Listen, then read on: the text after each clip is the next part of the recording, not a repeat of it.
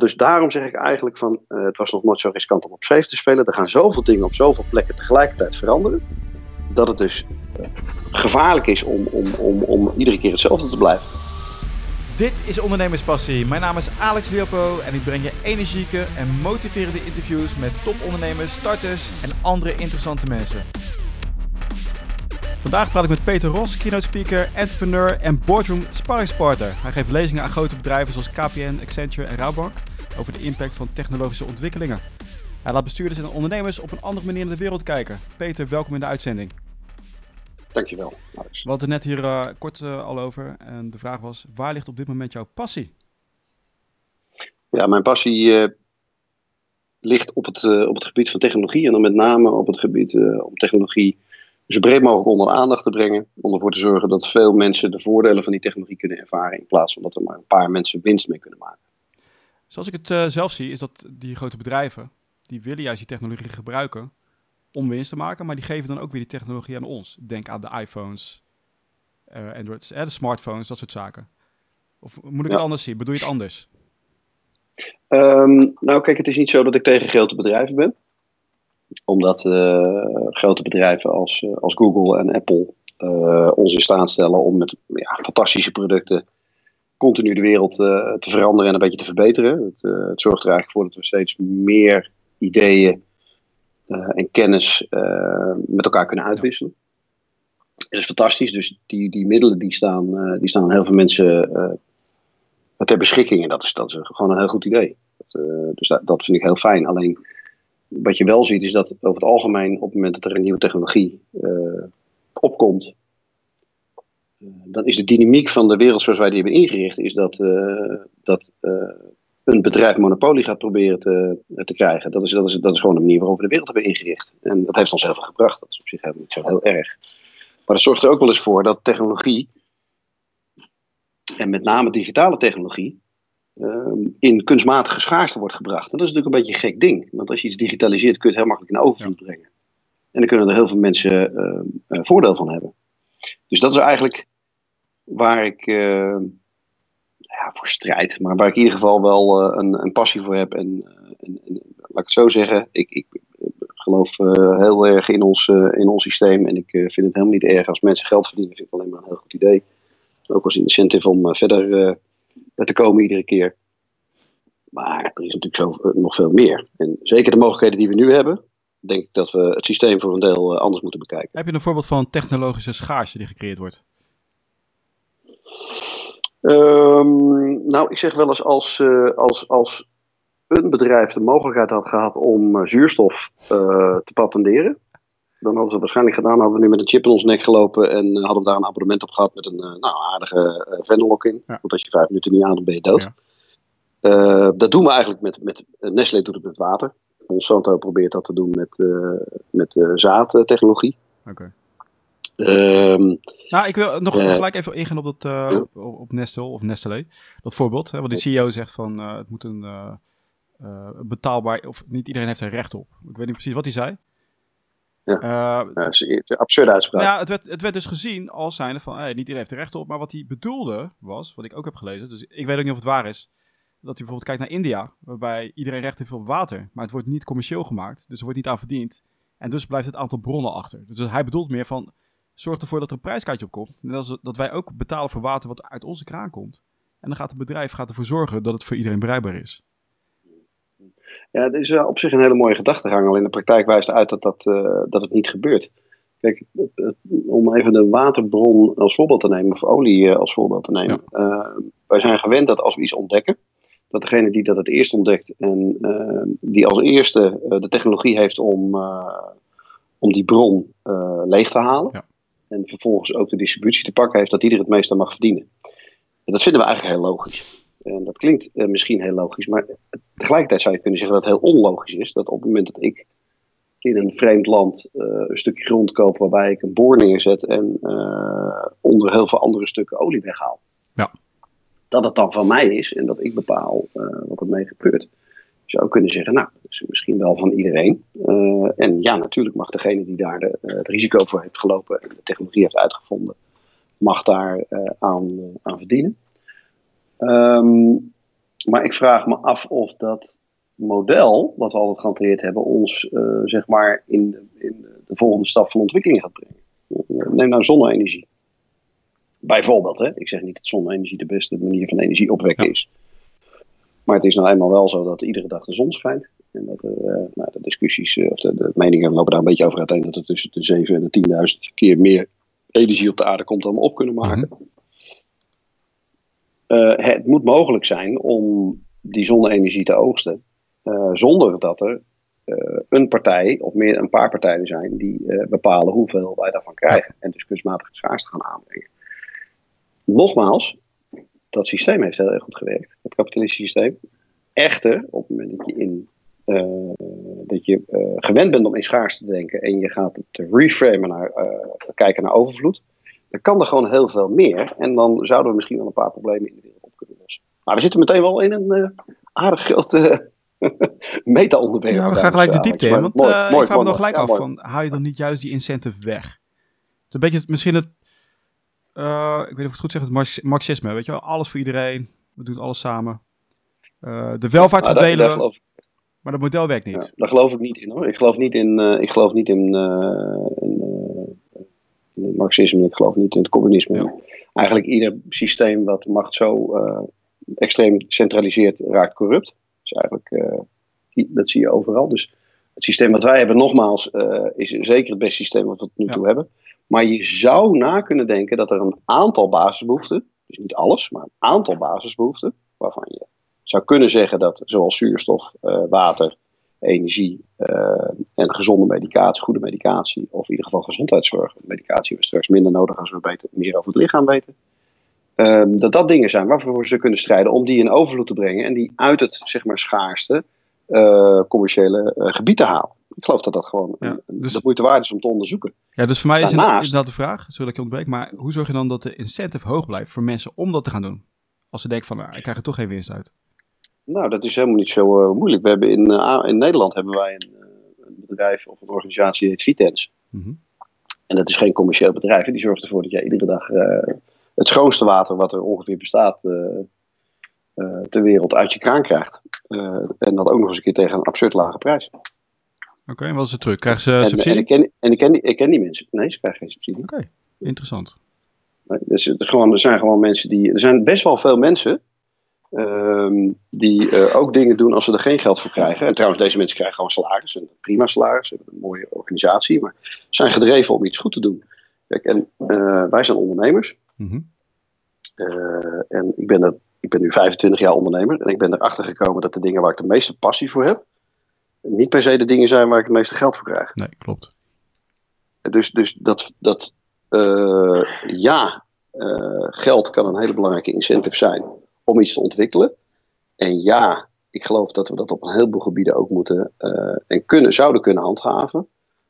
maar tegelijkertijd ben ik, begin ik me af te vragen of we niet blind zijn voor andere alternatieven omdat de argumenten die jij naar voren brengt, die legitiem zijn, dat zijn meestal de argumenten die ik krijg. Ja. Van ja, maar dan gaat niemand meer iets doen. Nou, dat is niet helemaal waar. Onderzoeken hebben uitgewezen dat mensen een, basis, mensen een basisinkomen krijgen of een, of een basistoelage krijgen. Nou, de aanname is dat die, dat die jonge mensen op de bank gaan liggen gamen. En eh, in de praktijk blijkt dat ze hun studie gaan afmaken. Dat mensen wat vaker naar de dokter gaan, wat vaker met hun opa en oma gaan. Dus nou, ik heb, ik heb, ik het heb... gedrag van mensen is niet altijd zo voorspelbaar als we denken. Ja, maar ik ben ook aan het zoeken, hè? bijvoorbeeld uh, dat basisinkomen.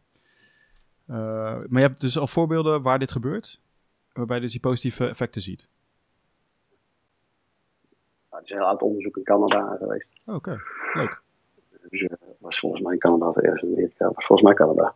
Um, waar uh, alleen die, die, die, dat onderzoek hebben ze eigenlijk nooit afgemaakt. Uh, er is een aardig documentaire over gemaakt overigens. En er is later iemand op al die data gestuurd en die is dat helemaal uit gaan pluizen. En die is uit gaan zoeken van wat gebeurt er nou eigenlijk met dat dorpje wat, uh, wat zeg maar vanuit een basisinkomen. Maar wat je zag is dat er meer pro-sociaal gedrag uh, komt. Ja. Dus mensen gaan uh, meer voor elkaar zorgen. op het moment dat je je minder zorgen hoeft te maken over inkomen, is dat goed voor je intelligentie. Het is gebleken dat als mensen continu geldzorgen hebben, dat dat intelligentiepunten kost. Ja. Mensen minder cognitievermogen hebben. Um, mensen uh, hoeven niet de hele tijd na te denken over hoe zorg ik ervoor dat ik volgende maand geld verdien? of hoe zorg ik ervoor dat ik brood op de plank heb? En laat ik maar niet naar de tandarts gaan, waardoor dus het gebit kapot gaat en dat soort dingen. Ehm, alleen, en, en dat is een beetje het probleem met, met, met, met deze discussie. Ik denk dat we dat en ik ben blij dat, we even de, dat ik de gelegenheid krijg om er rustig over te praten. We zijn niet gewend om, uh, om dit soort dingen uh, lang door te denken. Mm -hmm. we zijn gewend om een argument te zien en daar kort op te reageren. Dus oké, okay, als we het hebben over overvloed en het verdelen van overvloed. Ja, maar dat is communisme en dat is mislukt. Oké, okay, maar misschien zijn er nog wel andere alternatieven. Misschien hebben we het nog niet helemaal goed doordacht. Misschien moeten we nog wel, kunnen we een combinatie maken. En dat geldt ook voor, uh, voor het basis, uh, een mogelijk basisinkomen. Even los ervan hoe dat eruit zou moeten zien en hoe ingewikkeld dat is en wat dat zou kosten. Maar ik vind het de moeite waard om op het moment dat we de mogelijkheid hebben door technologie om een aantal dingen in overvloed te brengen. Technologisch hebben we de mogelijkheid om een aantal dingen in, in overvloed te brengen. Om dat op een andere manier te bekijken dan de manier waarop we gewend zijn. Kijk, en er zijn natuurlijk, uh, nou het mooiste voorbeeld wat mij te binnen schiet is uh, van, uh, van Wikipedia, uiteraard. Wat ja. ervoor was, Encarta. Of de, hè, de hoe noem je dat? Nou, goed, laten we, laten we zeggen dat Wikipedia, dat is een fantastisch voorbeeld natuurlijk. Ja. ik gebruik het regel, regelmatig in mijn lezingen. Dus stel je voor dat je 20 jaar geleden, 25 jaar geleden, tegen iemand had gezegd, we gaan een encyclopedie bouwen. Dat gaan we doen met een paar miljoen mensen die niet centraal aangestuurd worden, die ook niet centraal gecontroleerd worden. We gaan die encyclopedie uh, aan iedereen gratis beschikbaar stellen. En sterker nog, we gaan hem ook nog bij iedereen thuis brengen. Hadden mensen gezegd, ja, helemaal net te gek, joh. Kan helemaal niet. Um, en toch gebeurt het. Ja. Dus dit is een heel mooi voorbeeld van um, dat we gewend zijn om dingen te bekijken met de kennis en de ervaring vanuit het verleden. Terwijl technologie, digitalisering, netwerkeffecten er vaak voor zorgen dat er hele andere dingen kunnen gebeuren die we ons nog helemaal niet voor kunnen stellen. Ja. En ik vind het interessant om die nieuwsgierigheid te handhaven, of in ieder geval te proberen aan te wakkeren. Door niet te snel te zeggen: um, dit kan niet. Want dat is natuurlijk, weet je, Alex, op het moment dat we dus bezig zijn met dingen als kunstmatige intelligentie, waar we dan ook zitten, of machine learning, deep learning, of hoe je het ook wel. Maar dat we bezig zijn om een artefact, uh, artefacten te creëren wat uh, zelfstandig in ieder geval delen kan analyseren en verbeteren. In ieder geval beter kan berekenen en voorspellen op sommige vlakken. Daarnaast zijn we bezig om met DNA-manipulatie aan de bouwstenen van het leven te, te, te, te, met, met de bouwstenen van het leven te, spelen. Ja. CRISPR-Cas9, ja. synthetische biologie.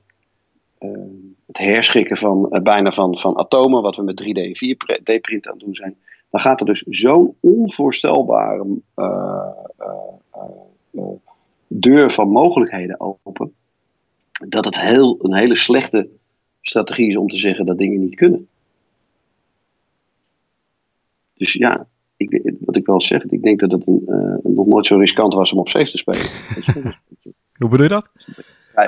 Dus vrij vertaald naar een boekje van Risky is a New Safe van Even je naam kwijt. Even kijken of die ergens heb staan. Ja. Ja, dat als je blijft doen wat je altijd al deed, dat is juist uh, wat zorgt voor het uh, grootste risico. Want je gaat gewoon niet mee. Nou ja, kijk, dat is, dat is natuurlijk het, dat is, dit, is de, dit is de interessante dynamiek. De, de dynamiek is,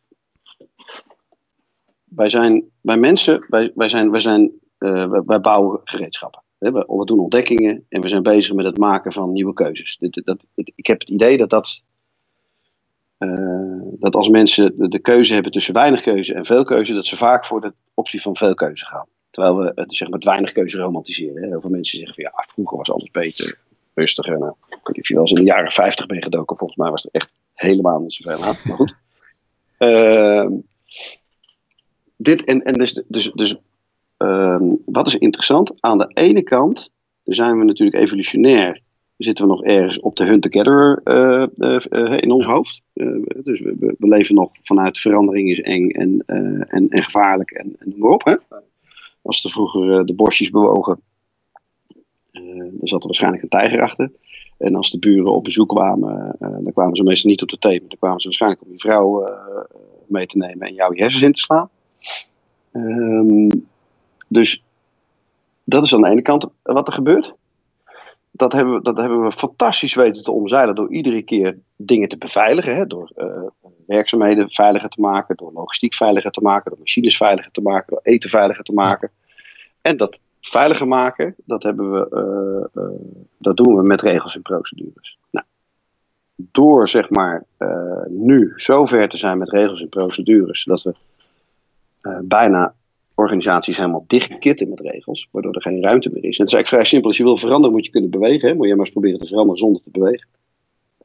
Uh, en om te bewegen heb je ruimte nodig. En ruimte uh, moet je ook de veiligheid voelen om die ruimte in te mogen nemen. Nou, op het moment dat je in een organisatie werkt waarin zoveel uh, procedures beveiligd zijn met regels dat er geen ruimte meer mogelijk is, dat eigenlijk verandering als een, als een virus uitgebannen ja. wordt, uh, dan wordt het lastig. Dus daarom zeg ik eigenlijk van, uh, het was nog nooit zo riskant om op safe te spelen. Er gaan zoveel dingen op zoveel plekken tegelijkertijd veranderen. Er gaan zoveel paradigma's uh, waarschijnlijk kunnen, we, kunnen we die gaan bevragen. Dat het dus gevaarlijk is om, om, om, om iedere keer hetzelfde te blijven doen. Hoe dring je, ja, ik, kijk, ik vat je helemaal, hè, maar hoe dring je dat bij mensen door? Die op een veilige plek zitten, in een onderneming, misschien zitten op een CEO-positie. Uh, ze gaan voor aandeelhouderswaardecreatie. Mm. Ze worden gecontroleerd, misschien door externe instanties, die misschien dat begrip niet hebben. Hoe kan je dat doen? Nou, er zijn een paar manieren om dat te doen. Uh, de manier om, uh, om dat te doen is vooral om voorbeelden van buiten iemands uh, situatie te, te, te, tonen. Want op het moment dat je. Stel je moet voor een zaal of je bent bezig met een bedrijf en dat bedrijf is, zit in de medische industrie. Ja. Op het moment dat je meteen voorbeelden uit de medische industrie gaat halen, dan ga je merken dat mensen zeg maar weerstand gaan hebben op wat je vertelt. Of ja, maar dat kan nog niet en dat is nog niet goedgekeurd of noem maar op. Wat ik meestal doe is eerst voorbeelden halen die zo obvious zijn uh, van buiten hun eigen branche. Waardoor mensen denken, oh ja, ja, dat is inderdaad wel een beetje dom van de KPN dat ze WhatsApp niet aan zagen komen. Was helemaal niet dom natuurlijk dat ze dat niet aan zagen komen, want bedoel, ze verdienen gewoon miljoenen met sms. Uh, en je neemt een voorbeeld van Wikipedia, of je neemt een voorbeeld van Netflix of van Spotify, of noem maar op. En dat mensen allemaal voorbeelden die mensen in hun dagelijks leven iedere keer ehm, ervaren. En, en waar dus eigenlijk geen vraagteken over is dat dat uh, paradigma's of in ieder geval industrie heeft, heeft uh, gedisrupt. Ja. En je gaat daarna uh, voorzichtig bouwen aan, oké, dit is er nu aan de hand in de medische sector. ingrediënten, de werking van ingrediënten komt vrij. Er zijn steeds meer mensen met biohacking bezig. Er zijn mensen met doe-it-yourself medicatie bezig. Wat betekent dat nou op de lange termijn? Of wat zou dat kunnen betekenen met ehm, jouw positie? Omdat de wetenschap dus geen uh, monopolie meer heeft op het, op het delen van ideeën en het doen van onderzoek. Ja, dus dat, die kun je gewoon hard maken, die laatste. Ja, ja. Die kun je gewoon keihard maken. Uh, dan, uh, dan, dan zie je toch wel vaak dat mensen iets hebben van oké, okay, oké, okay, I get your point. Daar moeten we misschien eens mee. En ik zeg ook niet tegen mensen, je moet nu alles wat je doet weggooien. Want dat is ongelooflijk uh, groot misverstand. Mensen zeggen, we moeten alles anders gaan doen. Weet je ook, accountants, oh, we moeten alles anders gaan doen of eh, in de medische wereld. Nee, je zal toch een soort hybride systeem uh, moeten hebben, waarbij je vandaag gewoon geld verdient en uh, zorgt dat je je product en dienst op orde hebt en tegelijkertijd bezig bent met uh, dat bedrijf van wat er over vijf of tien jaar uitziet. Waarbij ik overigens merk dat C-level meestal niet zo'n probleem is. Hoor. Hm. Ehm,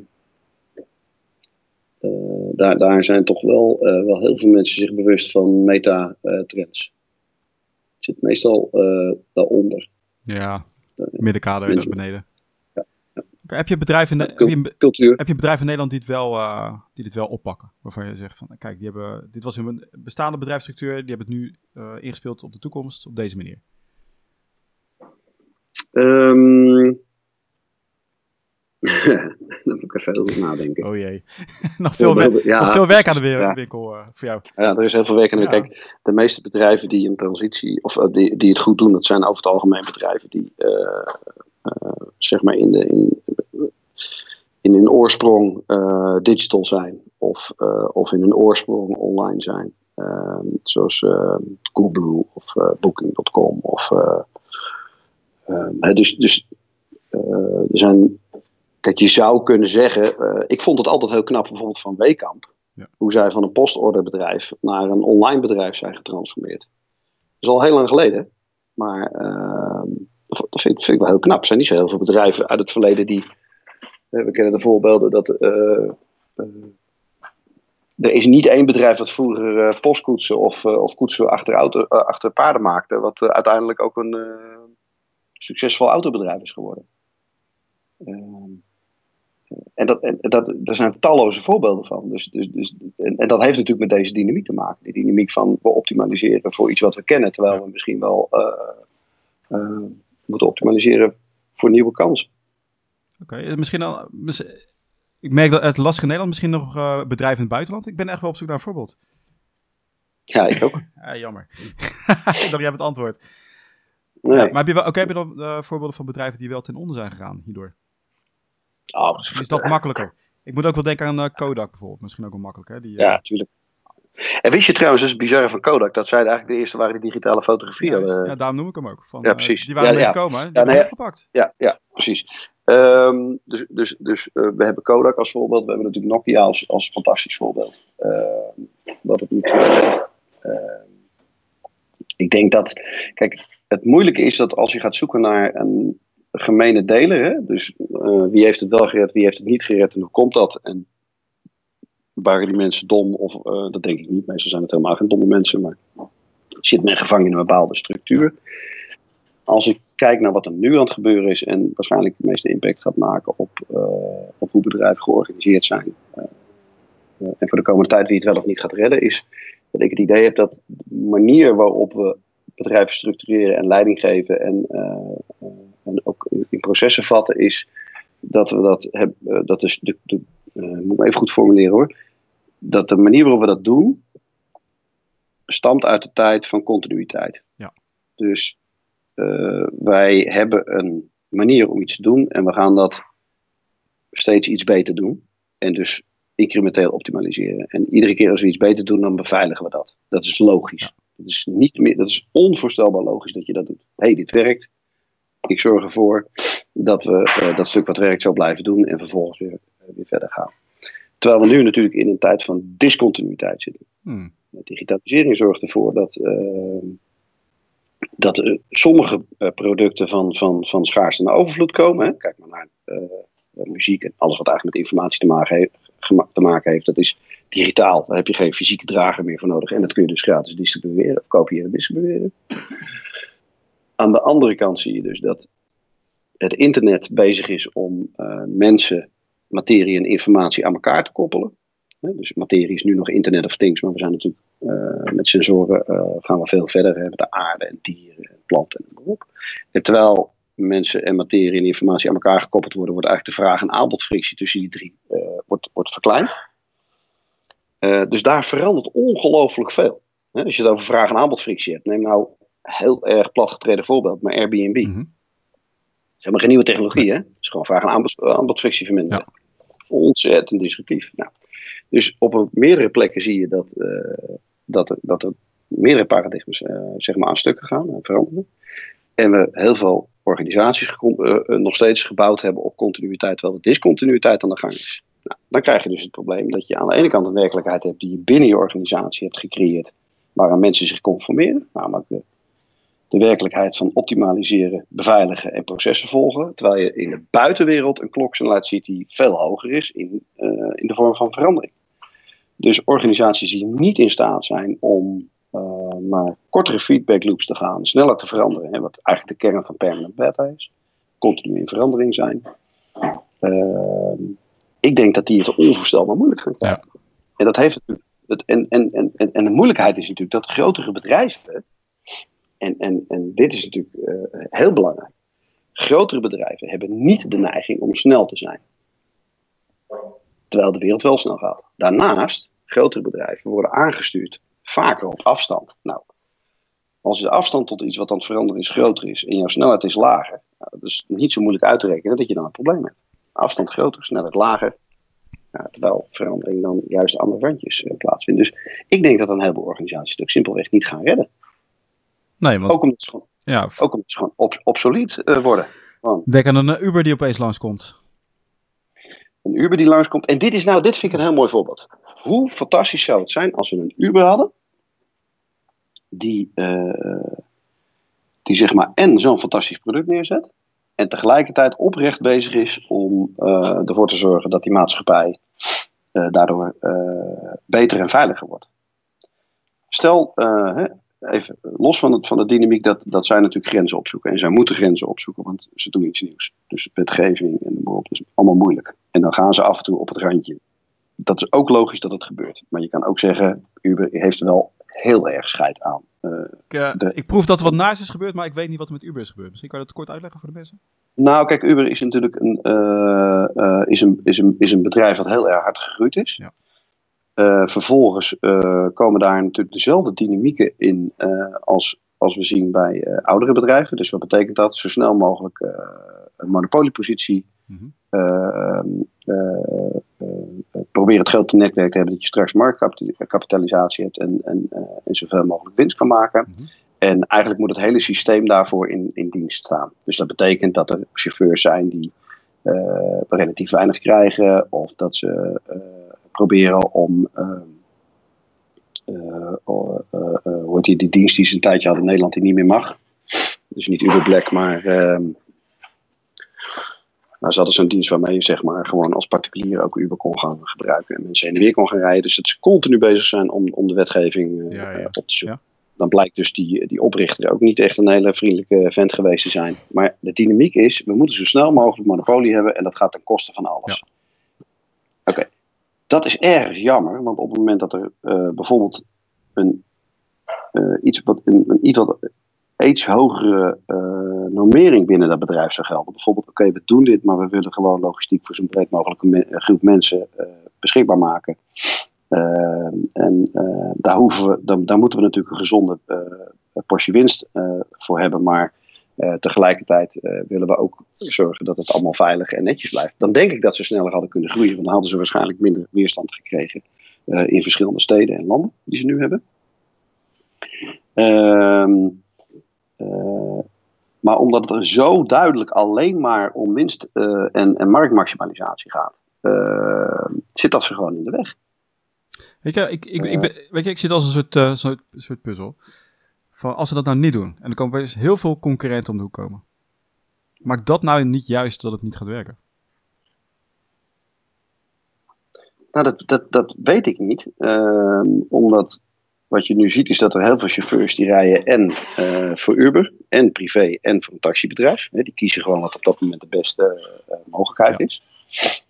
Eh, ik denk dat ik als consument altijd een voordeel heb als er, uh, als er meer keuze is. Dan is er ook een betere concurrentiepositie. ik geloof namelijk niet dat je als consument economisch gezien het voordeel hebt als er, als, als er één iemand monopolie ja, heeft. Ja, dat is logisch. Ja. Um, even, ik ben gek op Uber hè, als dienst. Laat dat even heel duidelijk mhm. zijn. Ik baal ervan als ik ergens ben en er is geen Uber. Serieus. Ik bedoel, even ik zit honderd keer liever in een Uber dan in een Amsterdamse taxi uh, die half naar rook ruikt en waar de chauffeur met twee mobieltjes uh, met een knie aan het stuur zit te schelden over dat ze bij Uber niet de juiste uh, vergunning hebben. Terwijl ik in zijn dashboard kan zien dat zijn auto 20.000 kilometer geleden nieuwe remblokjes moet, moet hebben. Ik noem maar wat. Even, dit gebeurt dus echt, hè? Dit gebeurt gewoon. Dus dat is echt een goed idee. In Zuid-Afrika uh, worden er minder mensen, minder vrouwen verkracht door Uber. Waarom? Ze hoeven niet meer op straat te wachten op de taxi. Dus dat is gewoon echt een fucking goed idee. Dus ik ben knettergek op die dienst. Ik vind het fantastisch.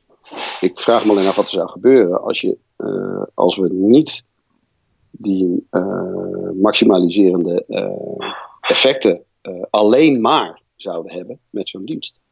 Kijk, Uber zit natuurlijk dat gezeik met die chauffeurs gewoon uit. Als we straks een zelfrijdend vervoer hebben, dan gaan al die chauffeurs eruit en dan, eh, dan is het, ja. klaar. Uh, maar dan zou ik het veel leuker vinden als we gewoon een, een uh, zelfrijdend uh, netwerk van auto's hebben die niet door Uber worden niet van Uber zijn, maar gewoon van zichzelf. Maar dat is weer een heel ander onderwerp. Ja, we met, voor met z'n allen hebben, hebben, we geen auto's meer, maar we gaan gewoon leasen. Of uh, we nemen gewoon een... Uh... Nee, nee, nee. Ik, ga, ik, ik denk eigenlijk nog veel verder, maar dat is een ander onderwerp. Dat moet misschien geen, bezit, geen bezit meer. Allemaal delen. Ja, ik heb een paar van je talks gezien. ik, uh, Ja, ik, ik, weet je, ik zit altijd met de praktijk van hoe ga je dit in de praktijk doen. Dus ik vind het wel leuk om, uh, weet je, die gedachten. Alleen soms denk ik van, is dat niet in een soort ideaalbeeld, maar heb je juist die, uh, even het marktmechanisme nodig om zo'n Uber in de markt te knallen en dat het daarna weer afzwakt en daarna komen er meer concurrenten. En dan wordt het weer wat Absoluut. relaxer, zoiets. Absoluut. Maar dat je eerst even die eerste initial punch moet hebben. Want het is een soort gevecht hè, tussen Uber en de taxibedrijven. Ja. En ik hoop dat Uber wint, hè. Ja. Uh, dus laat dat even duidelijk zijn. Of Lyft of uh, BlaBlaCar of uh, welke alternatief er is. Ik hoop dat er meerdere komen en meer steden. Zodat we met z'n allen goedkoper, effectiever kunnen rijden. Ik wil fantastisch voorbeeld. ik vraag eigenlijk altijd als ik in een Uber zit aan de chauffeur. Um, hoe bevalt het je? Hè? En wat vind je ervan? En dan maar op. Mensen zijn over het algemeen positief. Soms vinden ze dat het iets te weinig is. Maar laatst kreeg ik een, uh, een, een uh, had ik een chauffeur en die zei: Nou, ik ben er heel blij mee, want ik ben acht jaar taxichauffeur geweest en ik voel me veel nuttiger. Ik zeg: Nou, leg dat eens uit. Zeg, nou, als taxichauffeur stond ik heel vaak gewoon te wachten. En dan had ik helemaal niemand in mijn auto en dan zat ik daar maar te wachten. En nu krijg ik weliswaar iets minder per ritje, maar omdat het systeem natuurlijk vraag- en aanbodfrictie wordt opgegeven, dus dat systeem zorgt ervoor dat die auto veel meer ritjes heeft per uur heeft die man ook het gevoel dat hij gewoon veel nuttiger is. Ja. Nou, aardig, dat argument had ik nog niet gehoord. Ja, dus inderdaad dus- efficiënter wordt ermee omgegaan met de capaciteit die er al is. Ja, maar ook dat het, ook, dus ook dat, die, dat het die man dus een, ja. een beter gevoel geeft als zijnde van ik ben gewoon, ik heb gewoon meer nut. Ja, nee, is ook zo. Alleen ik vind het, weet je, ik vind het gewoon heel, het is ook heel lastig. Kijk, je hebt gelijk, ja, je hebt zo'n ehm, challenger nodig. En dat moet ook. En die Challenger die neemt gigantische risico's. Dus dat gaat over enorme bedragen. En, uh, uh, en, en, en, dan krijg je dit soort dynamieken. Dat is, dat, bedoel, dat is ook zo. Um, uh, maar aan de andere kant, ja. Ik, ik vraag me wel eens af of we niet een, een, een tikje zijn doorgeschoten in het denken dat er voor ieder probleem maar twee oplossingen zijn. Namelijk dat is of geld er moet heel veel geld verdiend worden of heel veel geld tegenaan, anders gaat het probleem niet weg. Of regels, als mensen niet zich gedragen zoals jij uh, of wij willen dat, uh, dat ze doen, dan moeten we maar meer regels. Weet je, ik probeer daar, daartussen te wrikken en te kijken van, maar er zijn toch nog veel meer dingen die... Ja, ik, ik, ik wilde nog, over dit puntje wil ik het ook nog met je over hebben. Over wat ja. misschien de kern raakt. Ook over al die technologische ontwikkelingen. Er is mega veel informatie. Ik denk nog nooit zoveel informatie vandaag als, uh, als ooit. Alleen, waar leren mensen hoe ze moeten nadenken? En hoe ze informatie moeten verwerken, moeten kijken of het klopt. Uh, hoe weten ze of hun. Uh, de mens heeft heel veel van die biases in zijn hoofd zitten. Dat wil zeggen dat je alleen maar kijkt naar bijvoorbeeld de dingen waar je het al mee eens bent. Waar leren mensen nog de, de oude kunst van het nadenken? Om om te gaan met al deze veranderingen. En, de oude kunst ja, van het nadenken, mooi. Zoals de oude Grieken meekwamen. Ik hoorde laatst, ik, ja, ik hoorde laatst iemand zeggen, we moeten wat meer voordenken in plaats van nadenken. Wel aardig. uh, ja, die ga ik gebruiken, die ga ik gebruiken. Oké. Okay. en, en ik ga meteen erbij zeggen wie het was. Dat is namelijk de eigenaar van, uh, uh, van Woodstock op Bloemendaal. voordenken, ja. Fantastisch, fantastische kerel. Um, we zouden willen dat dat op school gebeurt. Uh, volgens mij is school de uitgelezen plek om kinderen voor te bereiden op wat ze in het leven uh, gaan tegenkomen. En daar zo goed mogelijk mee om te gaan. School is natuurlijk een van de voorbeelden die, die veel aandacht krijgt, omdat, we, omdat het systeem langzaam, te langzaam verandert. Um, ik heb het gevoel dat, dat hoewel we dus veel kritiek kunnen hebben op ons schoolsysteem, dat er ongelooflijk veel plekken zijn waar kinderen en mensen uh, kunnen leren die geen school heten. Dus dat is, dat is mooi. Um, ik was toen ik, ik begon in 98 mijn eerste internetbedrijfje. Ik was ontzettend positief over internet in het begin. En ik dacht dat gaat alles de democratiseren. En uh, dat is allemaal geweldig. En net als veel andere mensen die wat, wat eerder erbij waren, ben ik nu ook een beetje teleurgesteld. Ja. In wat er aan het gebeuren is. En dat we zeg maar met social engineering, fake news en noem maar op, eigenlijk uh, een, paar grote, een aantal grote partijen uh, ja. macht hebben. Waarbij Facebook uh, gewoon in mijn ogen echt fucking evil is. dus, ja, echt absoluut. Uh, moeten we echt helemaal geen enkele twijfel over hebben wat daar gebeurt. Ik zal een linkje sturen naar uh, Mark Zuckerberg voor het congres. Voor de mensen. Ja, leuk. cool. Um, dus dat, dat is jammer. De laatste tijd begin ik uh, iets positiever te worden. En dat heeft te maken met, zeg maar, long-form uh, discussions. Mhm. Dus dingen zoals Timothy Ferris of Joe Rogan uh, en andere jongens ook online. Um, echt mensen uitnodigen om op een lange en rustige manier dingen uit te kunnen leggen en met elkaar na te denken over, over moeilijke onderwerpen. Ja. Dus ik geloof aan de ene kant zie je dus mainstream media door uh, de modellen en door het feit dat we uh, steeds sneller en snappier uh, informatie moeten hebben, omdat het anders niet verkocht wordt, zorgt ervoor dat de, dat de diepteinformatie verschraalt. Zorgt ervoor dat mensen eigenlijk bezig zijn met heel veel ja, koppen scannen en daar hun mening op, op baseren. Dat is een heel slecht idee. mainstream media, interessante en goede kranten die steeds minder in-depth informatie uh, aan het uitvoeren zijn. Uh, aan de andere kant zie ik nu online, en dat is wel grappig, waar online is natuurlijk juist het, begin geweest van, van, van, van, van, dat het allemaal nog sneller en snappier moest. Zie ik nu een aantal dingen ontstaan. Long reads, long forms, interviews. Uh, ja, en ik, ik, moet zeggen, dat ik vind het wel interessant. Ik zie dat ook wel bij wat jongere mensen om me heen die, uh, die echt geïnteresseerd zijn om, uh, om dat soort informatie tot zich te nemen. Ehm, dus ik heb daar wel, wel hoop als we iets bewuster worden van al die informatie. En een, een manier gaan, gaan vinden om onze kinderen te leren om ja, te, te, te, begrijpen hoe je, hoe je informatie moet filteren. Nou, dat vooral. Dat is, weet je, het, het gaat van informatie opnemen naar informatie filteren. En die slag die maken we nog niet helemaal natuurlijk op school. We zijn nog best wel bezig met informatie in hoofden stoppen die, uh, die ik ook in mijn, binnen, in mijn broekzak heb zitten op mijn smartphone. Yep. Uh, we zijn nog steeds bezig om, uh, om, een bepaalde periode kinderen Duits te leren. Dat ik denk, oké, okay, leg me uit. eh? ja. ja. dat is een buurland. Ja, klopt, ja. Dat is, en, een ander argument graag. Waarom leren we ze geen programmeertaal? Of Spaans of Chinees lijkt me sowieso een goed idee. Want dat hebben we waarschijnlijk straks toch allemaal nodig. Um, en, um, dus die, dat gaat heel erg traag, hè, die ontwikkeling heel jammer. En aan de andere kant denk ik toch dat het wel, wel gaat gebeuren en dat ik het daarbuiten ook wel zie gebeuren. Dat, uh, dat er alternatieven voor, voor scholen ontstaan. alternatieven van, van, van, van kids die gewoon. Ja, kijk, de voorbeelden van, van kinderen die op, op school wiskunde krijgen van een leraar die ze niet heel tof vinden. Maar online op YouTube een, uh, een leraar wiskunde hebben gevonden die het voor hun veel beter uitlegt. En dan gewoon die stof maar gewoon op YouTube gaan zitten bekijken. Ja, ja dat is toch geweldig. Dat is ook wel gaaf. En wat je net ook over had met Joe Rogan bijvoorbeeld. Hè, die heeft nu uh, discussie, ik luister er altijd naar. Van uh, drie uur en die heeft miljoenen downloads. Dus er is zeker wel vraag naar. En het interessante met hem is dat hij ook gasten uitnodigt waar hij tegen is. Dat is waar hij de ideeën niet mee, mee deelt. En dus van alle kanten het probleem bekijkt. Dat is iets, ja, als je dit niet weet en gewoon denkt van, nou, ik neem alle informatie tot mij en ik maak daar op basis daarvan een goede keuze en niet weet hoe dat werkt in je hoofd heb jij, de, de, heb jij zo'n aflevering met Jordan P. Peterson geluisterd? Ja, allemaal. Voordat hij bekend was, hè? Dat ik hem al, Jordan Peterson. Oké. Okay. Nou, dat is toch een redelijk uh, controversiële man, hè? Ja.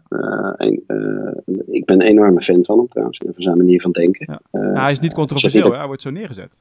Nee, sorry. Je hebt helemaal gelijk. Hij is helemaal niet... Je, dankjewel. Hij is helemaal niet controversieel. Hij wordt zo neergezet. Um, man is natuurlijk onvoorstelbaar erudiet, eh, belachelijk intelligent, heel erg goed ingelezen. Je hoeft het niet overal mee eens te zijn, dat is geen probleem. Maar het is een ontzettend mooi voorbeeld van hoe iemand in stukjes gehakt wordt en snippets aan, aan het publiek gevoerd wordt. Maar tegelijkertijd hoe er nu een beweging is die, die daar dus op tegen is. Weet je, als je, als je op, op YouTube ziet hoeveel mensen er zijn die, die die voor Jordan B. Peterson zijn. En, en zeg maar allerlei argumenten, ook weer heel erg ongenuanceerd overigens hoor, tegen zijn aanvallers brengen. Ja, dan denk ik dat is ook wel weer, wel weer mooi. Maar een gedeelte van ons, en het verbaast mij hoe lang dat duurt, leeft gewoon nog steeds in de wereld van de televisie, twee kranten en nu.nl. Ja, en misschien nog twee websites. Ik was met zijn interviews was ik echt geschrokken met die reporters, hoe, hoe slecht ze zijn. Van de vraagstelling, de insinuaties die ze doen. Ik, was, het was nog erger dan ik had verwacht eigenlijk. Ja, het is echt, het is, het, dit, is, dit is volgens mij waar het, waar, waar het over gaat. We hebben media een hoek ingedreven waarin we niet meer, uh, waarin, waarin de incentive van een journalist niet per se is om uh, onderzoek te doen, maar waarin hij wel of niet de bias van zijn, van zijn luisteraars gaat versterken of niet, waardoor hij meer aanhangers krijgt. en dat is eigenlijk een beetje net zo hoe politiek werkt, weet je wel. Ik bedoel, politiek is, is, is van, van een land besturen naar electoraat bedienen gegaan. Ehm, en, en eh, we moeten zorgen dat we de juiste quotes hebben. Want anders dan eh, eh, luisteren mensen niet meer, stemmen ze niet meer. Lezen, pakken ze mijn, mijn tijdschrift niet meer uit het schap, lezen ze mijn krant niet meer, abonneren ze niet meer. Ja, clickbait. Maar ik heb ook met die reporters een aantal dat ze het ook echt geloofden wat ze zeiden. Oh, maar dat is natuurlijk. er zijn heel veel mensen die dingen niet bewust doen. Er zijn heel veel mensen overtuigd van. Ja, ik zal uh, voor de mensen die uh, luisteren het beruchte interview met, uh, hoe heet ze, Cathy Griffin, volgens mij, Cat, ja. Cathy Newman.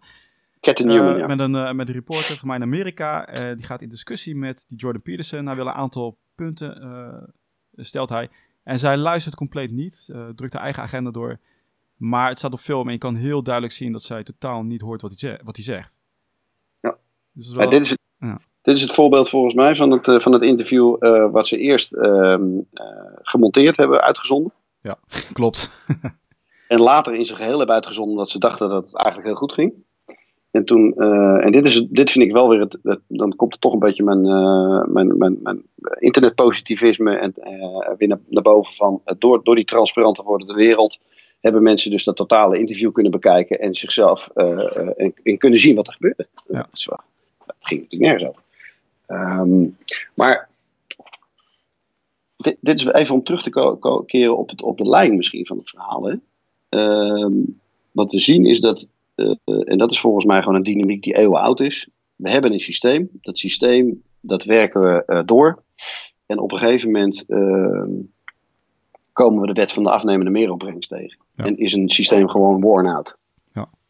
Um, dat zie je bij traditionele media uh, gaat 9 van de 10 keer over, over geld. Uh, en wat doet geld? Geld drijft die media naar populaire stellingen en clickbait. Ja. Als we kijken naar kapitalisme, waar ik nogmaals geen tegenstander van ben, ehm, dan zie je dus dat een, een, aantal dingen ons heel veel heeft, heeft gebracht. Maar dat er op een aantal punten ook gewoon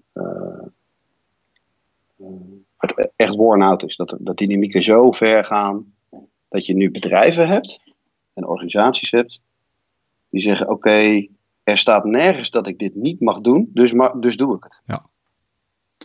Maar wacht even hoor. Is, bestaat er ook niet gewoon zoiets als the right thing to do? Um, nee, ja, er is geen regel voor dat het niet mag, dus dan mag het toch? Als we zover zijn, dan moeten we denk ik ons systeem van normen en waarden, die we dus nu gebaseerd hebben op kan er geld mee verdiend worden, is het volgens de regels. En uh, dan moeten we echt gaan herrijken. Uh, nou, ik vind het, en, en ik vind het een hele interessante discussie ook. Waar we ook rekening mee moeten houden van uh, dat een aantal van de CEO's. Dat snap ik, Alex, want ik heb, ik heb een paar van, jou, van jou, jouw profielen zitten bekijken. Bij jou gaat het over het algemeen over het maximaliseren van winst, toch? Ja, uiteraard. Maar hoe krijg je mensen binnen? Hoe bedoel je? Hoe krijg je mensen binnen, getriggerd? Weet je, je moet eerst mensen moet je ontmoeten op het, uh, op het uh, waar ze op dit moment zijn. Als ze inderdaad alleen maar bezig zijn met geld verdienen, dan is het handig ja. om daarmee naar binnen te krijgen. Ja, nee, maar je hebt helemaal, daar heb je helemaal gelijk in. Alleen het grappige is dat 9 van de 10 keer zijn mensen helemaal niet alleen maar bezig met geld verdienen. En op het moment dat je weet uh, wat iemand drijft in zijn hart, waar die van, waar die van echt harder van gaat tikken. Ja uh, of uh, op het moment dat je, dat je iemand die heel, de hele dag bezig is uh, om heel veel geld te verdienen, er heel succesvol in is, merkt dat hij eigenlijk helemaal debiel is van modeltreintjes. Of het helemaal geweldig vindt om te proberen een nummer van Guns N' Roses te leren op de gitaar. Of dan zie je in één keer waar mensen gaan, gaan lichten. Ja, nou het mooiste is als je ze op alle gebieden op, op alle gebieden kan, kan raken. Absoluut, absoluut. En, en het gaat natuurlijk uiteindelijk altijd om het, om het gesprek. En het gaat volgens mij om. en nogmaals, ik vind heel vaak mensen die heel veel geld verdiend hebben met fantastische producten of diensten verzinnen. Daar heb ik niks op tegen. En dat vind ik alleen maar een ontzettend goed idee. En uh, ik vind het ook heel goed dat die mensen daarvoor beloond worden. Uh, maar helaas zijn we in een wereld waarin we ook heel veel mensen geld kunnen verdienen met waarde om te trekken uit de maatschappij. Ja. En dat is volgens mij een heel slecht idee. Nee, eens. Alleen we hebben, we hebben niet meer, we, het lijkt alsof we daar zeg maar moreel geen, uh, geen onderscheid mee maken. Kijk, als iemand een fantastische dienst uh, creëert, waardoor mensen heel veel gelukkiger worden, meer met elkaar kunnen communiceren, gezonder kunnen leven, niet doodgaan uh, aan, aan enge ziektes of weet ik veel wat. Hé, hey, alsjeblieft, alsjeblieft. Maar op het moment dat er mensen bezig zijn om heel veel geld te verdienen, door mensen producten te verkopen waar ze armer van worden en die geld onttrekken en waarde onttrekken uit te maken, dat is gewoon een heel slecht idee. Nou, ik moet hem helaas afsluiten. Ik wil mensen wel doorsturen naar Permanent Beta. Ik zal de link ook uh, bij mij uh, in de show notes zetten. Want daar gaat, al, gaat het dus heel erg over kennisdeling. Ja. Het is ook, uh, ik ben ook naar een paar meetings geweest, weer een paar jaar geleden. Oh, cool. Ja, dat is heel, heel gaaf. Ook Permanent Beta dag. Oh, wat leuk. Ik we hebben 12 er... november hebben we weer een Permanent Beta dag. deze keer in Eindhoven bij Seeds Meet. Ah, en daar gaan we het onder andere hebben over leren leren. Dus hoe leer je nou eigenlijk? Dat sluit wel aardig aan op de vraag die je op laatst stelde. Mm -hmm. Hoe zorgen we ervoor dat mensen nog dingen leren? Hoe werkt dat? En dat gaat van kunstmatige intelligentie naar kinderen naar volwassenen. Um, en dan gaan we met elkaar hebben een aantal hele interessante sprekers erover en met elkaar uh, in debat. Hey Peter, leuk om met je gesproken te hebben. En uh, ik vind het leuk dat je interesse hebt in die, uh, die long form, want daar, daar ga ik ook naartoe. Ik hou er wel van. Yes. Dus, maar dit, dit, komt allemaal op. Dankjewel in ieder geval voor het gesprek. Jij ook bedankt hè.